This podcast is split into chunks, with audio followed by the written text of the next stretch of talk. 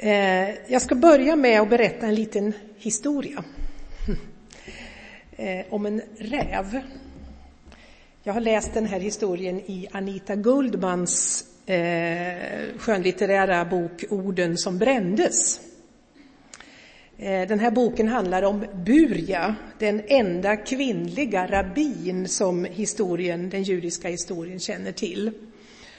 Och hennes man Rabbi Meir Eh, förmedlade ofta sin visdom genom eh, att berätta fabelliknande historier. Och det här är då en av dem. En räv såg en dag frestande frukt hänga från ett träd i en trädgård och han angreps av ett våldsamt begär efter läckerheterna. Som trädgårdsmuren var för hög att klättra över sprang han runt den för att finna grinden, men denna var låst. Där fanns endast en öppning så trång att räven inte kunde komma igenom. Han fastade därför i dagarna tre tills han blivit smal nog att ta sig in genom öppningen. Sen åt han av de härliga frukterna tills han var proppmätt och stinn. Då ville han ut ur trädgården, men upptäckte att han blivit för fet för att komma igenom den trånga öppningen. Han tvangs därför att än en gång fasta i dagarna tre. När han krupit igenom öppningen utropade han Trädgård, trädgård, du är verkligen underbar och dina frukter smakar väl, men vad nytta har jag av det? Vad återstår mig efter all min list och all mitt arbe allt mitt arbete? Är jag nu inte lika smal som förr? Så som med räven, så och med människan. Naken kommer hon in i världens trädgård och naken måste hon lämna den. Världsliga rikedomar kan hon inte ta med sig härifrån. Vad nytta har människan av all möda och hjärteoro som hon gör sig under solen? Frågar en annan vis man, predikaren. Och det något pessimistiska svaret som han ger det är att allt är fåfänglighet och ett jagande efter vind. Eller som det står i Bibel 2000, allt är tomhet. Eller med Paulus ord i första Timoteusbrevet 6 och 7 och 8. Tomhänta kom vi till världen och tomhänta ska vi gå ur den. Och så här säger Jesus, den visaste av alla, i sin bergspredikan Matteus 6, 19-21. Samla inte skatter på jorden där rost och mal förstör och där tjuvar bryter sig in och stjäl. Samla er skatter i himlen där varken rost eller mal förstör och där inga tjuvar bryter sig in och stjäl. Ty där din skatt är, där kommer också ditt hjärta att vara. Det gäller att hitta den rikedom som inte försvinner, försvinner eller rostar sönder eller blir till sand. Som rubrik för de här bibelorden och för Rabbi Meirs berättelse så skulle man kunna sätta ett uttryck av Jesus i Matteus 13, vers 22. Och det här uttrycket är då från 1917 års översättning där det står rikedomens bedrägliga lockelse. Och Jesus säger att detta plus tidens omsorger han liknar det vid tönen eller tistlar, beroende på vilken översättning man väljer. Och det här ogräset, säger han, det gör att Guds ord så småningom förkvävs i en människas hjärta. Om det får ta över handen. Rikedomens bedrägliga lockelse Det som den här världen har att erbjuda i form av rikedom och framgång och njutning har någonting bedrägligt över sig. Det lovar alltså mer än det håller. och det lämnar oss med tomma hjärtan. Det har en förmåga att föra oss vilse så att vi mitt i jagandet efter mer och mer, vare sig det nu gäller ägodelar, framgång eller upplevelser eller vad det kan vara, mitt i det jagandet så missar vi själva livet. Livet, det som John Lennon sa, det som är något som pågår medan vi sysslar med annat. Livet är någonting som kommer till oss som gåva och inte på grund av vårt jagande. Nej, säger Jesus, gör er inga bekymmer för vad ni ska äta och dricka eller ta på er. Det här är också i kapitel 6 längre fram. Och så säger han, allt sådant jagar hedningarna, alltså folken, efter. Men er himmelske fader vet att ni behöver allt detta. Om det fanns anledning att varna för de här frestelserna för 2000 år sedan så är det inte mindre befogat idag. Och den här lockelsen, den kommer till oss i olika skepnader. Är det inte ökad materiell rikedom som lockar så finns det alltid andra frestelser. Det som sätter krokben för oss det kan lika gärna vara begäret efter framgång, inflytande eller njutning. Eller kanske efter kunskap och ständigt nya upplevelser. Observera att de här sakerna inte är fel i sig. Utan det som leder vilse är begäret och jagandet. Det är det som gör oss splittrade inombords och får oss att famla. Och jag undrar om inte just splittring är en av vår tids största farsoter. Splittring, det splittrade hjärtat, det splittrade livet. Vem av oss känner inte hur det nafsar oss i hälarna eller ännu mera kanske i hjärtat? Och värre och värre blir det ju mer tempot skruvas upp, ju mer fulltecknat det blir i våra kalendrar och ju större utbud vi får av allting, av varor och information och upplevelser och må bra-metoder och allt vad det kan vara. Karusellen snurr, snurrar snabbare och snabbare och vi blir mer och mer yra i mössan, mer och mer splittrade. Och ett resultat av splittringen är att vi förytligas. Att vi får svårt att nå de djupare skikten. Ett, ett resultat är då tomheten, som också predikaren kände. Predikaren säger enligt Bibel 2000, jag betraktade allt som sker under solen, allt var tomhet, jagande efter vind. Och så mitt i allt detta vårt jagande och all vår splittring så står Jesus och pekar på en motsatt väg till ett sant mänskligt liv. Och den väg han visar oss är en enkelhet. En enkelhet som består av att vi får rikta oss åt ett håll istället för att jaga åt alla håll och försöka greppa allting samtidigt. Nu handlar Jesu väg inte om att vi ska bli enkelspåriga i den bemärkelsen som vi använder det ordet.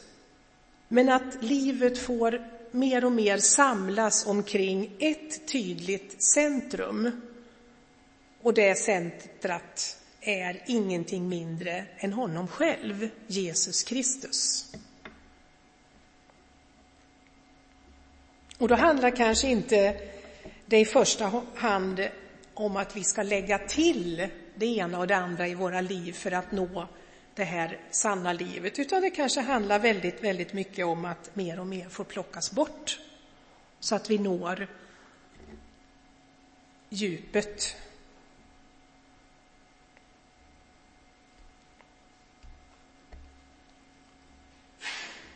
Där din skatt är, där kommer också ditt hjärta att vara, sa Jesus. Och direkt efter de orden så kommer vers 22 och 23 där han talar, och det hörde vi också här i inledningen, han talar om ögat och synen.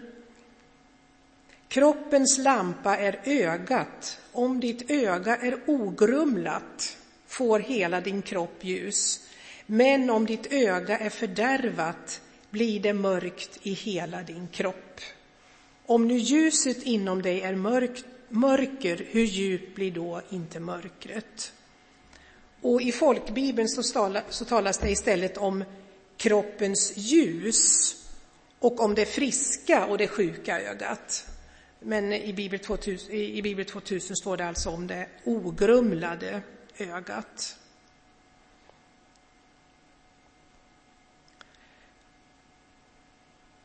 Vi ska återkomma till det här, men i vers 24 sen, som kommer direkt efter, så talar Jesus om vår lojalitet. Var har vi vår lojalitet? Och de här sakerna då har ett samband.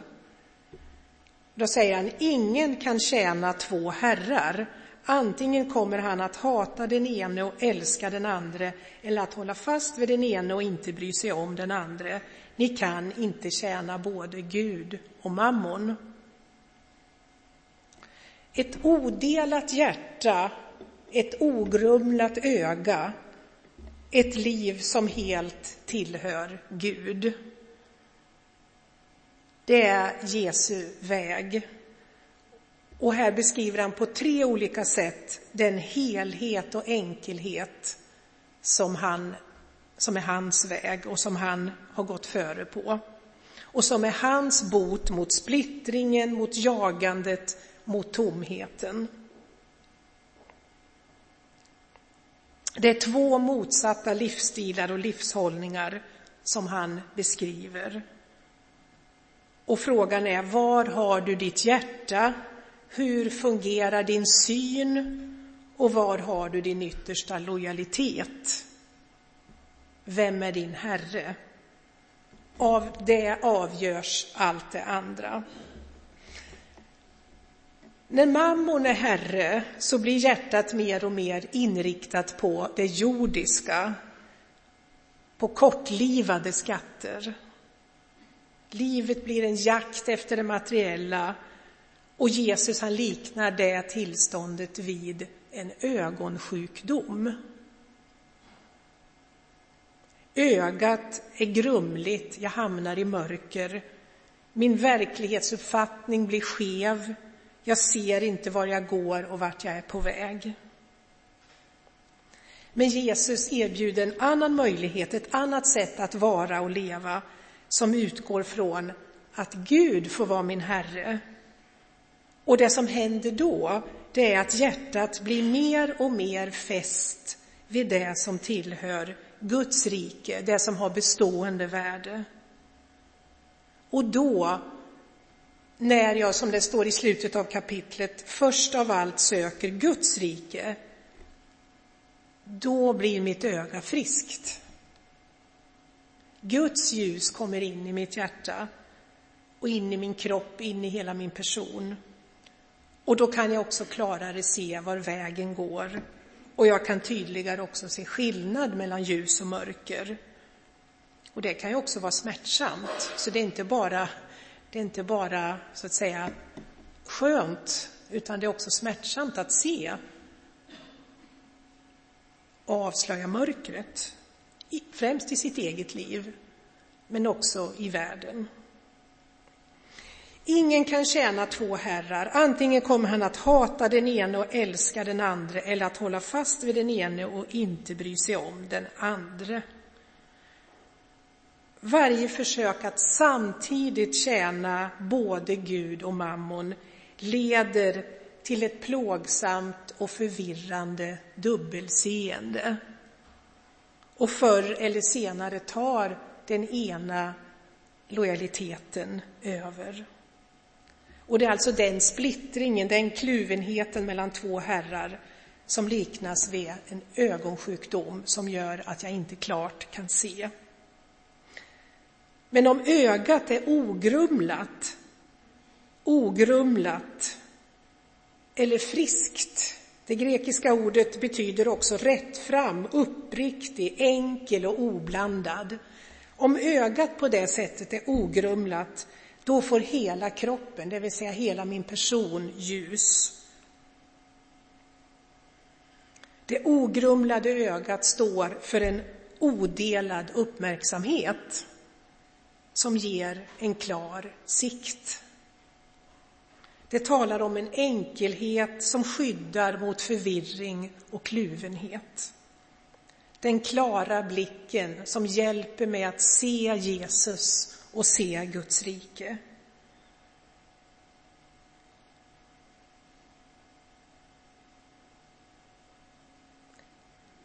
Den väg till ett sant och helt mänskligt liv som man pekar på i världens, mitt i världens kaos, det är den enkelhet som följer av att blicken riktas åt ett håll.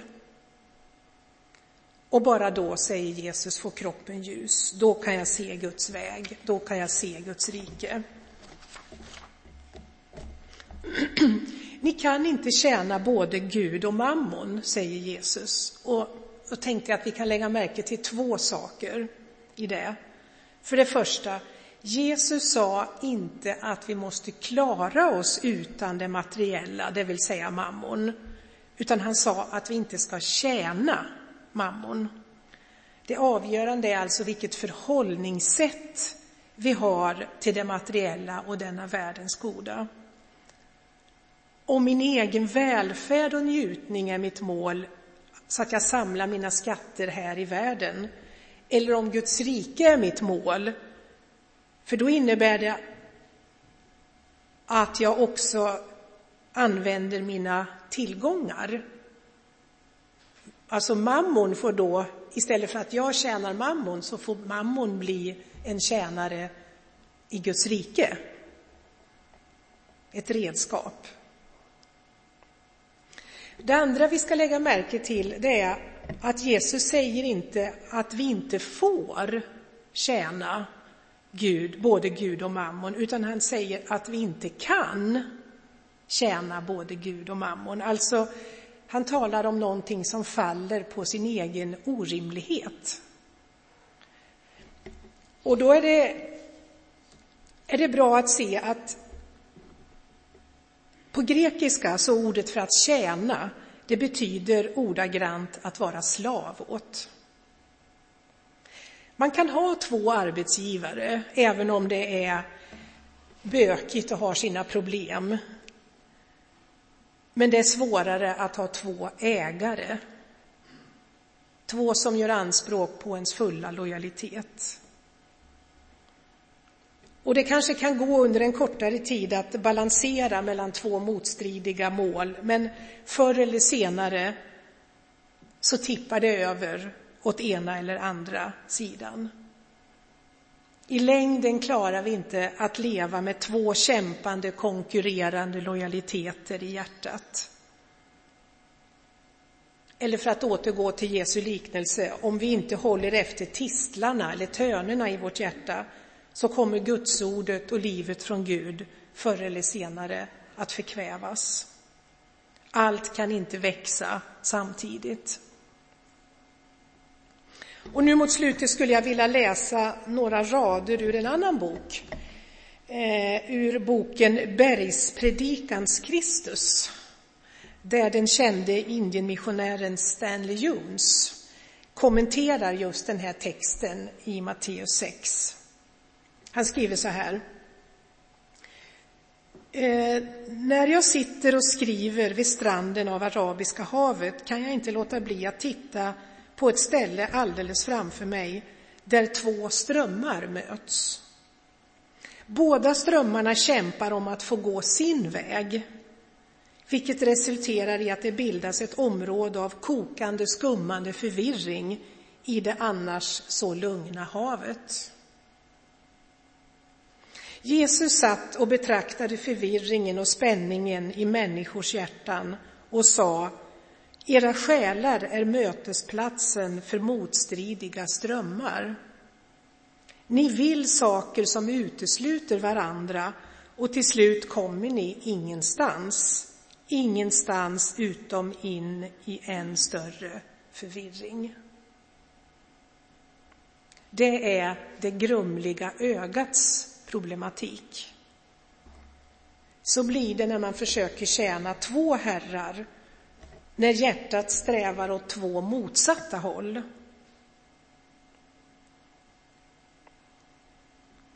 Och när Jesus talar om de här två motsatta förhållningssätten så betyder ju inte det att någon av oss är präglad enbart av det ena eller det andra. Utan det finns en kamp här som vi alla kanske hela livet är indragna i. Det kan finnas de som blir befriade helt. Men jag tror att det ofta är en kamp. Vi går inte fria från de frestelser som Johannes talar om i sitt första brev, kapitel 2, 16, och som han kallar köttets begär och ögonens begär och högmod över livets goda. Det betyder att i kampen om mitt liv måste jag välja sida, inte bara en gång, utan många gånger. Och nu och då behöver jag fråga mig, vad vill jag med min korta stund på jorden? Vad är det som verkligen betyder något? Och hur kan jag bäst inrätta mitt liv för att ge utrymme för det? Var har jag mitt hjärta? Hur är det med min syn? Var har jag min lojalitet? Vem är min Herre? Och den väg till helhet och helande som Jesus visar handlar inte om mental träning eller psykologiska övningar, utan han är mycket radikalare än så. Han erbjuder oss ett nytt mål, ett nytt centrum för våra liv. Sök först Guds rike och hans rättfärdighet, säger han mot slutet av samma kapitel, Matteus 6 och 33. Och sen kommer löftet, så ska ni få allt det andra också. Och då syftar han på det som vi verkligen behöver. Han säger att vi har en far som vet att ni behöver allt detta. Alltså, vi får leva som rikets barn, som Faderns barn. Och Jesus säger att vi ska få lov att erfara att vi har en far som har omsorg om oss och våra behov. Låt oss be.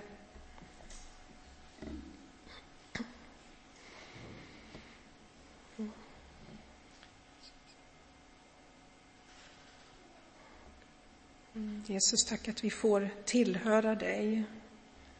Att vi får ha dig som Herre i våra liv, det är ju bara nåd.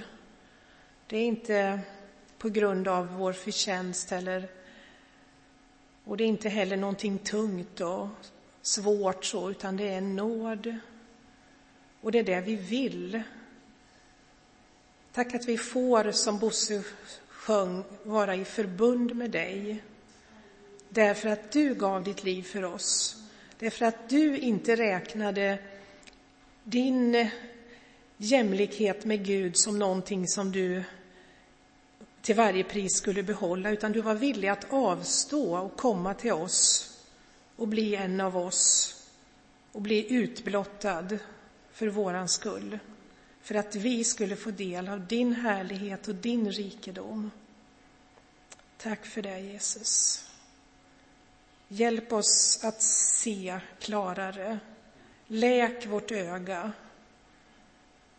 så att vi kan se vad livet verkligen är, att vi kan se dig och att vi inte går vilse, att vi inte fastnar i de lockelser som leder fel. Du vet allt det som våra hjärtan utsätts för och allt det som vi så lätt hakar på när det gäller frestelser. Vi ber om din hjälp och din kraft och din närhet. Herre, inled oss inte i frestelse utan fräls oss ifrån det onda.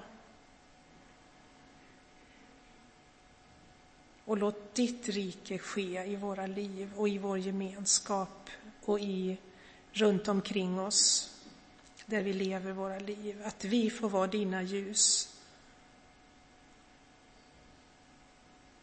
och lysa och visa att det finns ett annat liv. Amen.